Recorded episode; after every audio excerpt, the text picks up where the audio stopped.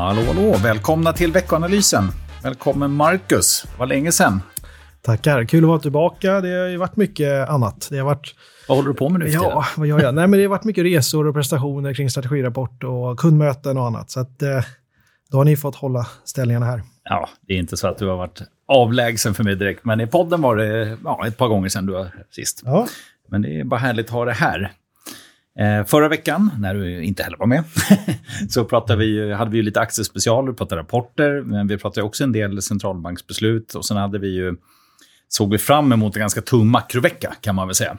Mm. Eh, och nu behöver vi inte gå in i alla detaljer, men jag tänker att vi egentligen kör igång direkt och tittar på arbetsmarknadssiffror. Det kom ju en riktig jäkla smäll här i fredags med 353 000 nya jobb i USA. Ja, det är ju verkligen starkt. Och många som pratar om den där eh, försvagade amerikanska ekonomin och den här hårdlandningen av ekonomin. Det är ju långt ifrån eh, det i alla fall. Så att, nej men det, det, det, var starkt. Det var ju bra mycket starkare än vad väntat eh, var. Jag tror konsensus låg på 185 000. Mm. Så att, okay. att komma in på... Nästan dubbelt. Ja, det var rejält högt. Och det som är lite oroväckande där, det var väl ändå att timlönerna tickar upp lite. och det är klart, det är ju lite huvudvärk för Fed, men annars är det ju en, ett, ett styrkebesked från USA. Verkligen, och man reviderar ju upp senaste månaderna. Och sen är det ju som vanligt när det kommer så här starka siffror, man brukar alltid försöka hitta lite så här engångsfaktorer, prata väder och det ena och det andra. Mm. Och så. Det kan säkert påverka lite, men det går inte att skämta bort eh, dubbelt så många jobb. Så att, riktigt, riktigt bra helt enkelt. Så ja. den stora frågan är väl så här, påverkar det Fed? Ja, det, det är det vi får se nu, men, men möjligt är ju att, att det gör det. Och tittar man på marknadens prissättning av första räntesänkningen som tidigare låg i, ja, till viss del i mars och sen in i maj, det skjuts lite framåt nu. Så att jag tror marknaden ser det här såklart och, och blir lite orolig för att Fed kommer vara lite mer försiktig eh, nu framåt. Mm. Ja, jag såg också någon sån sammanställning mer väntat nu med maj än mars. Mm. Eh, jag såg eh, någon aktör som också säger maj nu, men fortfarande fem sänkningar i år. Ja, det, är... det känns ju som att så här, ja, efter maj, det, det, är klart det är ett gäng månader kvar och ett gäng möten, men det ska ju till rätt många då varje gång. Typ. Ja, men det är eh, aggressivt. Det är, ja. Men det som jag tycker är intressant när man tittar på marknadsreaktionen, det är klart att marknadsräntor, det var ju upp och dollarn stärks och sådär. Det, det är vanliga trender, men sen ser man också att Nasdaq går starkt, eh, amerikanska börsen sätter nya all time highs och någonstans så är det ju det som tidigare var scenariot att marknaden tog ju man ville gärna se negativa eh, konjunktursignaler för att det skulle få inflationen att falla. Nu tycker jag att det där har vänt lite. Att mm. Nu ser man helt plötsligt styrka eh, i, i arbetsmarknaden som positivt. Och det är väl för att man är så övertygad om att inflationen, den faller. Inflationen mm. ska ner och centralbankerna är klara och då vill man se en stark tillväxt. Mm. Ja, så bra egentligen. Det, det. det viktiga för oss är att marknaden tolkar saker bra. Sen om det är upp eller ner. Nej då. Men eh, det, om vi bara håller oss kort till centralbanksbeslut. Eh, Fed då, som sagt, eh, ja, tycker väl att det känns som mars inte är riktigt sannolikt längre. Eh, det man också säger att man kommer att diskutera balansräkning mer djupgående till marsmötet. Jag tänker, vi hade ju också Riksbanken faktiskt. Ja, där, där händer det ju någonting större. De gör mm. ju en helomvändning där och de har ju tidigare sagt att en en första räntesänkning, ja det blir någon gång årsskiftet 25-26 och, och, helt plötsligt nu då går man ut och säger att nej men det kan nog komma redan första halvåret här 2024. Mm. Uh, och, och, det är en helomvändning men det, är ingen, det var ingen dramatik på marknaden utan marknaden hade ju redan prisat in någonstans att Riksbanken var fel på det. Mm. Du, jag tänker, vi pratade ju väldigt mycket rapporter föregående vecka. Eh, då lyfte vi framför allt en hel del bolag som vi eh, liksom rekommenderar och så. Det kom ju, eh, ja, dels pratade vi rapporter som, som hade rapporterat, men sen har det, kom det ju massa under veckan. Jag tänkte man kunde lyfta fram några av mm. dem. Till exempel Novo Nordisk är ju ett sånt som vi har som stort innehav också. Och det, de kommer med ganska stabil outlook, eh, lite engångsfaktorer, men eh, ja, överträffa förväntningarna. Eh, och sen är det som vanligt i detaljerna. Eh, obesitas-delen, en liten besvikelse, men den beror på utbudsstörningar. Så det mm. ja, släpper man. Eh, så att egentligen en ganska stabil rapport kan man säga. Och där kom ju, om man tittar in i den här veckan, så kommer ju Eli Lilly, amerikanska konkurrenten med rapporten.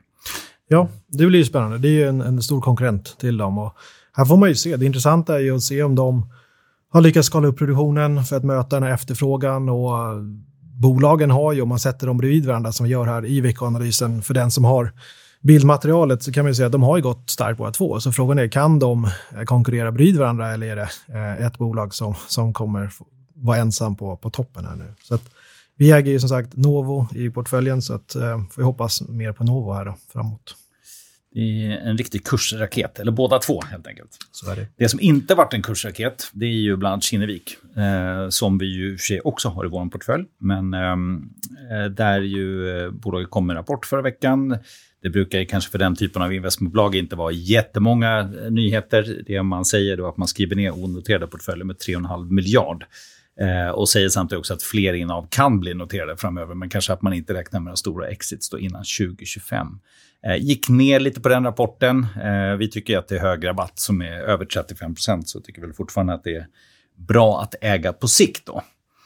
Vad hade vi annars? Ja, men lite ja, Indutrade, Lifco, ganska små avvikelser, stabilt från Indutrade. Eh, vi hade ABB i linje med prognosen. Ja, helt okej okay rapporter egentligen så under veckan. Eh, och så pratar vi väl alldeles snart om de som kommer. Men ska vi nämna något kring de utländska rapporterna också kanske? Ja, men det var ju en stor vecka förra veckan. Det var ju utöver en bomb av eh, centralbanksbesked och eh, viktig arbetsmarknadsdata så var det ju mitt i rapportsäsongen. Så det var ju jättehändelserik vecka och jämför man med den här så är det ju en helt annan eh, vecka faktiskt. Men eh, de amerikanska bolagen då, det var ju teknikjättarna, de här stora bolagen då som, som rapporterade. Och det här är ju intressant eftersom att de stod för en så otroligt stor del av börsuppgången eh, under förra året. Och här var ju förväntningarna, de var ju skyhöga. Eh, och lite svårt var det för de här bolagen att imponera på marknaden. Även om många slog omsättning och vinster så togs de emot lite halvsvalt. Och till exempel Microsoft, Apple fick, fick båda eh, uppleva det. Eh, något som däremot togs emot rejält positivt, det var ju faktiskt Meta. Eh, och på eh, rapporteringsdagen så, så, steg de med 20 procent. Ehm, inte bara på att man slog sina estimat. Det stora där var ju att man levererade en första utdelning i bolagets historia. Och det här är ju stort för ett tillväxtbolag som Meta då. Och man köpte även tillbaka aktier för 50 miljarder dollar. Så det här var ju, ja men det slog lite ner som en bomb. Ehm, marknaden eh, reagerade starkt på det här faktiskt. Mm. Så stark kursuppgång även för Netflix faktiskt, som är ju samma sektor. Mm. Um, intressant det där med liksom utdelning och återköp. Det låter ändå lite mer som att det kan, alltså, skulle kunna bli ett lite mer moget bolag. Uh, det där är ju alltid en fråga med kapitaldistribution. För är det för att man har för mycket cash som man inte vill som man inte hittar investeringar för eller vill man bara helt enkelt gynna aktieägare eller vad, gör man det för så att säga. Men just mm. återköp är ju väldigt, väldigt vanligt i USA. Ja, och de har ju investerat ganska duktigt de senaste åren för hela metaverse och allt vad det har varit. Eh, men sen eh, de senaste, det senaste året här gjort en hel del kostnadsnedskärningar. Eh, personalminskningar på 22 procent och så vidare. Det, är klart att det här gillar ju marknaden och det har ju börjat få effekt så, som möjliggör mm. det här då. Hur ser det ut för Apple då? Det är ju liksom, om man tittar i, liksom, alltså, om man slår ihop de här stora bolagen, det är ju fortsatt Apple, Microsoft som kanske är de absolut liksom, största i, i techsektorn. Ja. Eh, där har det väl varit ändå lite svag försäljning liksom, av iPhone, tänker jag. Um, ja, under en längre tid egentligen. Det, det har ju varit det. Och tittar man, I Kina framförallt, tänker jag. Framförallt i Kina. Mm. Men, men tittar man eh, stort och zoomar ut för hela bolaget mm. så har ju eh, intäkterna, de har ju fallit eh, under några kvartal, men nu så, så steg de ju faktiskt här. Och man, man slog eh, estimaten på egentligen alla punkter, förutom just iPhone-försäljningen i Kina, mm. eh, som, som, var svag. Eh, man visste ju redan att den skulle vara svag, men eh, det, det, var värre än vad marknaden hade hoppats och trott på. Så att Kina har problem. Eh, det är uppenbart en, en, en väldigt dämpad efterfrågan i Kina. Och sen kan det ju vara andra anledningar till det också. Men Kina är en svår marknad och Kina som ekonomi i stort har ju också haft problem. Tittar vi då på veckan som kommer, jag tänker på om vi håller oss till rapporter lite kort. Då. Det är ju fortfarande mitt i rapportsäsongen. Det är väldigt många utländska bolag, det är väldigt många svenska bolag. Det är kanske inte riktigt lika många portföljbolag som vi har som rapporterar, men det kommer ju bland annat eftersläpningar i banksektorn och Handelsbanken. Vi har ju tidigare fått Swedbank SEB. Vi har en del verkstadsbolag, vi har Alfa Laval, vi har Assa Abloy, eh, byggbolag Skanska, eh. Astra kommer Securitas. Det är en, en rad bolag. Jag tänker mm. väl att vi summerar dem nästa gång. Eh, och eh, ja, bland annat Adtech också serieförvärven. Vi har fått in en del serieförvärvare tidigare. Så eh, Adtech som ja, väntas komma med en, en stabil tillväxt fortsatt.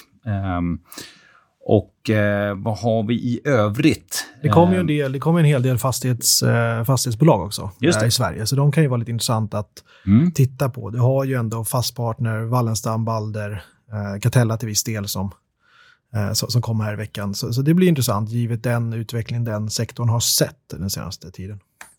Yes. Men ja, jag, jag, jag tycker ändå att vi inte ska hoppa fram så snabbt. Jag, jag vill ta oss tillbaka till eh, rapporten i USA, jag vill ta oss tillbaka till Meta.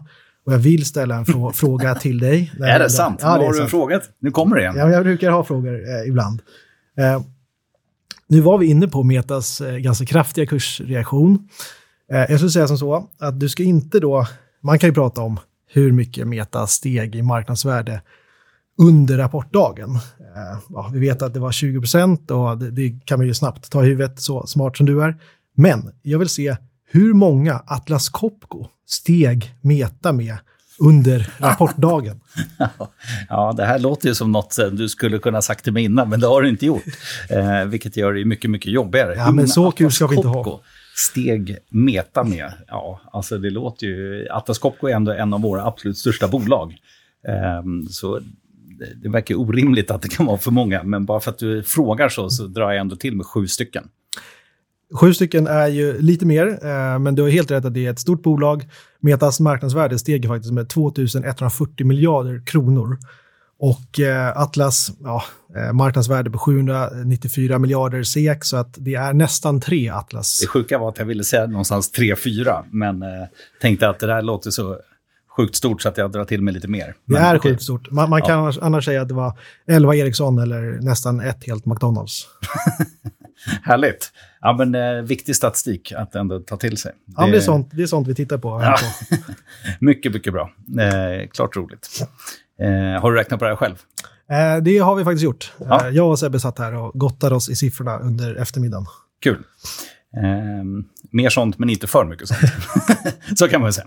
Eh, härligt. Jag tänker då, om vi går tillbaka till faktiskt eh, vad vi ska prata om. Eh, makrohändelser den här veckan. Är det något vi ska fokusera på lite extra mycket? Jag tänker, det kom ju... Det var ju väldigt, egentligen ganska tung vecka förra veckan. Nu har vi inte nämnt allt för många grejer, men ehm, har vi någonting som du sticker, tycker sticker i ögonen? Eh, jag tycker inte det är något. Det, det är ju som sagt en lugn vecka. Det är väl det är lite tjänste-PMI, alltså inköpschefsindex. Eh, det är mer om man ska följa upp den här styrkan som amerikansk arbetsmarknad visar. Det kan man ju titta då om inköpscheferna i USA signalerar eh, samma sak. Så det, det, kan man ju titta lite efter. Mm. Annars är det inget jättestort tycker jag. Nej.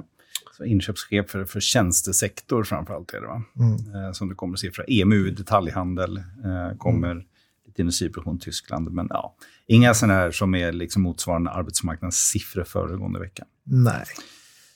Sen tänker jag väl, eh, vad är det mer vi ska fokusera på? Det har ju, alltså om man bara tittar inledningen på det här året, så rätt intressant ändå. Alltså fortsatt väldigt stor skillnad amerikanska börser mot Sverige. Eh, I kronor räknat så är ju S&P 500, och breda amerikanska indexet, upp 8% precis mm. som Nasdaq ungefär. Mm. Och Sverige är ner 1% Så ja.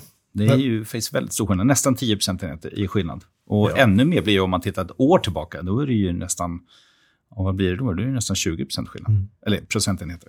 Men det, det, är en, tittar vi hittills i år så är det en svag svensk krona återigen som, mm. som bidrar. Um, men ja, det har också varit starka teknikrapporter i USA mm. um, och ett positiv, positiv drag där då.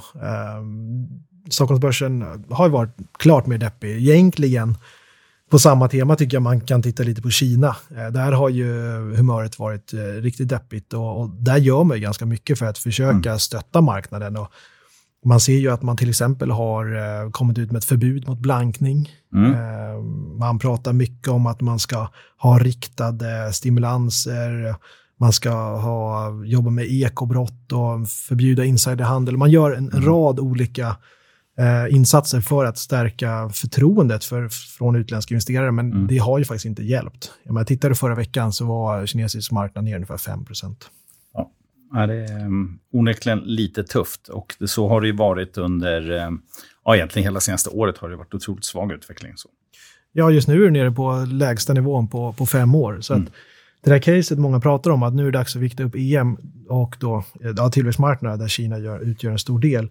Det är klart att det finns säkert jättemycket intressant i det, men så länge dollarn är stark, så länge Kina har sina problem med fastighetsmarknad, arbetslöshet, eh, sjunkande produktivitet och så vidare, då är det svårt att, att eh, se styrkan där innan man får tydliga stimulanser som kommer vända på det där. Mm. Intressant. Och sen tänker jag när vi kikar mer på utveckling överlag, så där ganska stora ränterörelser förra veckan. Det var väl inte så här om man tittar kanske på veckan liksom sammanfattat, men i alla fall i samband med, med siffrorna som kom i fredags från arbetsmarknaden. Vi svängde till en hel del. Ja, det gjorde det. Och det ser vi även här under inledningen av den här veckan. Att tvååringen i USA studsar upp en hel del. Man mm. skjuter räntesänkningarna framåt. Uh, under inledningen av förra veckan så kom räntan ner lite och det var ju mycket på den där återigen så har de här oron för regionalbanker blossat upp och jag tror det har pressat lite också då. Så att, det, det, det rörde på sig en hel del uh, på räntemarknaden under förra veckan. Mm. Är det något annat vi har missat också? Um, visst var det något stök kring uh, regionalbankerna igen? Ja, det var ju det. och det har ju återigen då blossat upp och mm. det var ju här New York Community Bank Corps eh, som, som rapporterade här förra veckan. Mm. Och eh, det, det triggade ju då den största nedgången för de här regionala bankerna och det här regionala bankindexet igen då sen mm. Silicon Valley Bank eh, åkte på det här i, i, mars förra året. Så att det har varit jättestora förluster, eh, man signalerar en ganska problematisk fastighetsmarknad mm. eh, och så vidare. Så att vi är glada, för vi har ju, äh, vi är aldrig glada när sånt händer, men vi är glada för vår sektorallokering. Vi har ju en underviktbank som mm. vi nyligen tog ner och nu är det mer storbanker som kanske inte påverkas av det här, men, men det, det är ju ändå en signal äh, där ute. Yep.